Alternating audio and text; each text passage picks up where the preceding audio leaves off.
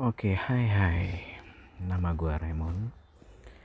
Um, setelah sekian lama cukup lama ya gue tahu mengenai noise ini, um, akhirnya gue punya sedikit keberanian buat aku ah, mau bikin ah noise. Awalnya lumayan ribet ya karena mesti bikin segala macam RRS dan selalalalala.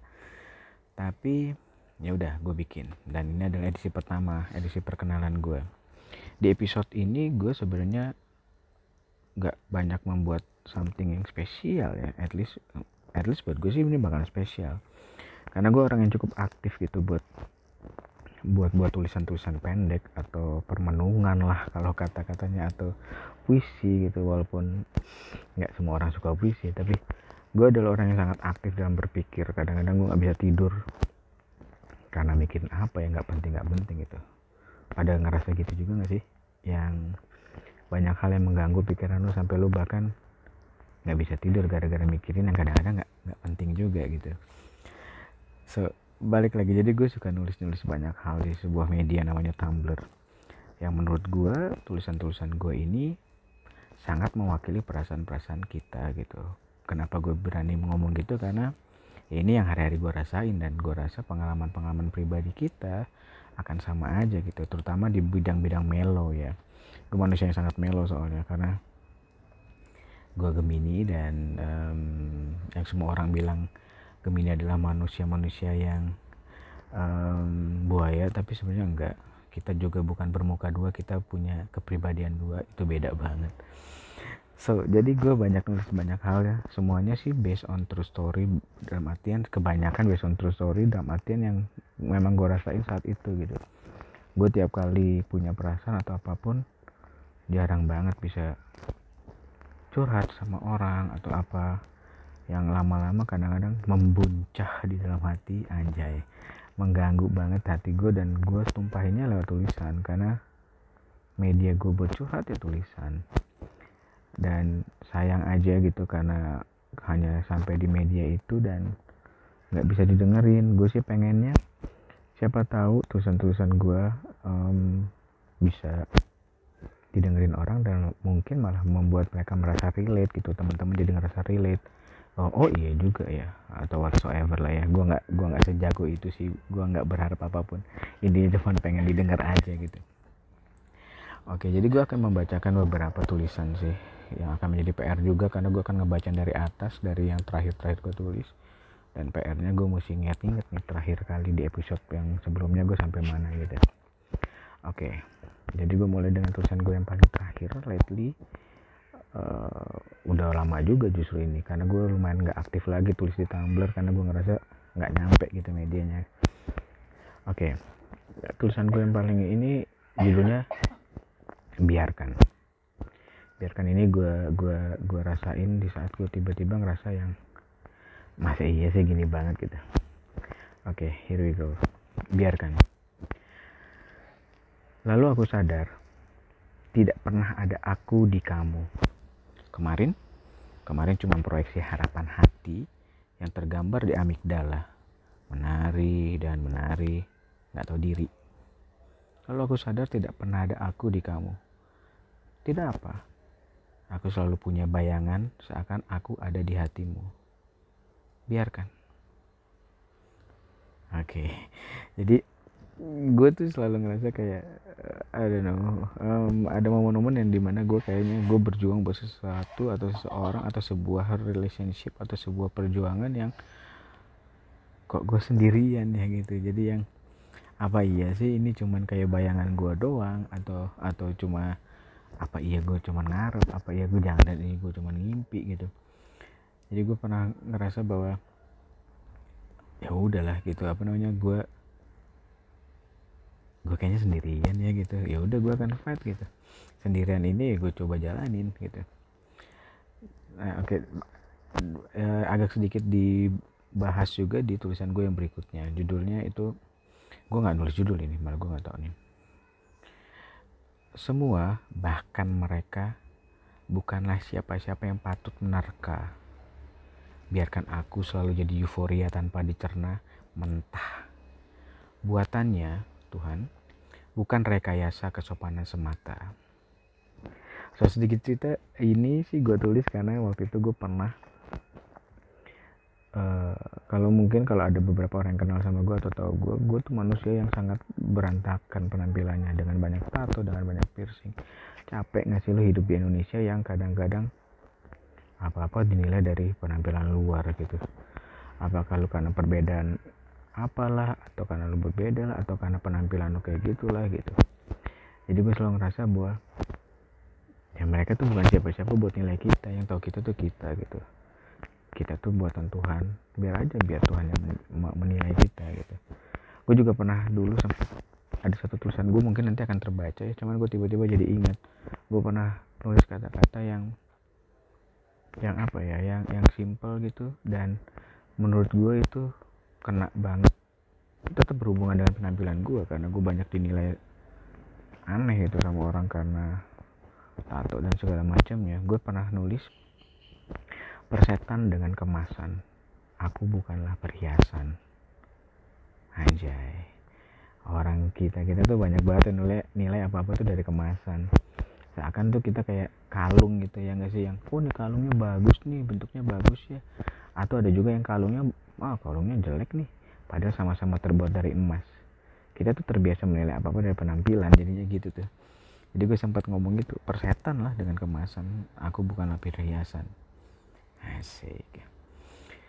Oke okay. uh, gue juga pernah um, gue sering banget mengalami um, keresahan atau kesedihan atau ketimpangan dalam cinta gitu anjay. Um, bukannya gue makhluk melo ya gue suka banget sama Ford Fenty tapi maksudnya gue memang melo kali ya. Gue pernah ngomong bahwa uh, karena cinta tidak pernah buta kita yang dibutakan oleh cinta. Wih deh orang tuh selalu bilang bahwa wah cinta tuh buta men. Jadinya gue nggak bisa nilai dengan baik. Enggak men. Cinta tuh nggak pernah buta menurut gue yang buta itu ya kita. Di saat kita jatuh cinta kita jadi buta semua jadi indah semua jadi baik di mata kita jadi kayaknya nggak adil kalau kita menilai bahwa cinta itu buta. Kita kok yang jadi buta karena cinta. Gitu. Oke okay, um, banyak banyak banget sebenarnya hal-hal yang uh, masih gue tulis. Gue akan bacain beberapa buat terakhir kalinya karena buat gue rasa buat podcast podcast noise noise maker pertama kali ini kalau kepanjangan nggak akan seru ya. Nggak tahu deh orang-orang pada panjang-panjang mungkin karena mereka ngobrolnya bareng-bareng gue sendirian nanti gue akan bawa beberapa orang sobat ngobrol bareng. Oke gue pernah nulis juga gini. Tidak ada orang yang bisa memilih siapa yang akan membahagiakan dia. Tapi kita bisa memilih siapa yang akan kita biarkan untuk menyakiti kita. Dan aku tidak pernah menyesali pilihanku. Waduh. Gue kadang-kadang suka ngerasa yang apa ya oke misalnya mentok sana sini apa segala macam gitu. Terus orang bilang oh, lu sih mon kayak gini gini. Lu sih kayak gini. Kayaknya eh, kalau itu adalah udah jadi menjadi pilihan kita sebenarnya harusnya kita udah siap ya dengan pilihan kita. Ya gak sih? Jadi uh, kita nggak bisa nih tahu nih siapa sih nanti yang akan membahagiakan gue at the siapa sih yang akan bersama gue selamanya. Kita nggak pernah tahu masa depan. Tapi at least dengan adanya pilihan-pilihan kita bisa membiarkan nih oke okay, gue mau sama dia tapi kayaknya dia bakal nyakitin gue deh. Kayaknya dia nggak worth it buat nyakitin gue oke okay, gue mau sama dia dia bakal nyakitin gue tapi gue worth it nih berjuang buat dia walaupun gue sakit. Ngerti nggak? Jadi kita kita yang milih gitu. Siapa sih yang bakal kita biarkan buat menyakiti kita? Dan gue rasa dengan adanya pilihan itu gue nggak pernah nyesel sih sama pilihan gue apa pun seburuk apa pun yang terjadi gitu. Jadi ya tinggal ujung-ujungnya tinggal masalah pilihan aja sih. Gue pernah nulis puisi juga tulisan juga. Judulnya tuh uh, tanggal sebenarnya.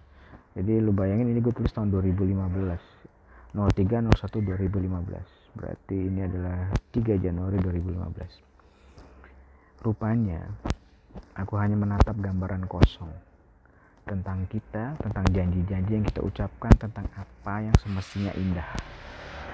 Sudahlah, semoga kamu tersenyum. Hai. Oke, lo kebayang lah kira-kira ceritanya seperti apa. Gue juga pernah nulis berjudul judulnya tuh jam gitu 2.29 AM AM oke ini pagi subuh nih bro udah lama nggak nulis banyak hal yang udah terjadi sebagian nggak perlu diingat sebagian perlu seberapa nggak mau diingat tapi selalu keinget belakangan emang busuk banget hidup bukan salah siapa-siapa tapi cukup masih tahu kalau fairy tale selalu hanya akan jadi fairy tale dongeng akan jadi dongeng Ngeliat semuanya berlalu sekejap di depan mata kayak angin. Nggak nyisen apa-apa kecuali kosong. Anjay. Dan emang ternyata cuma kosong yang bisa didapat.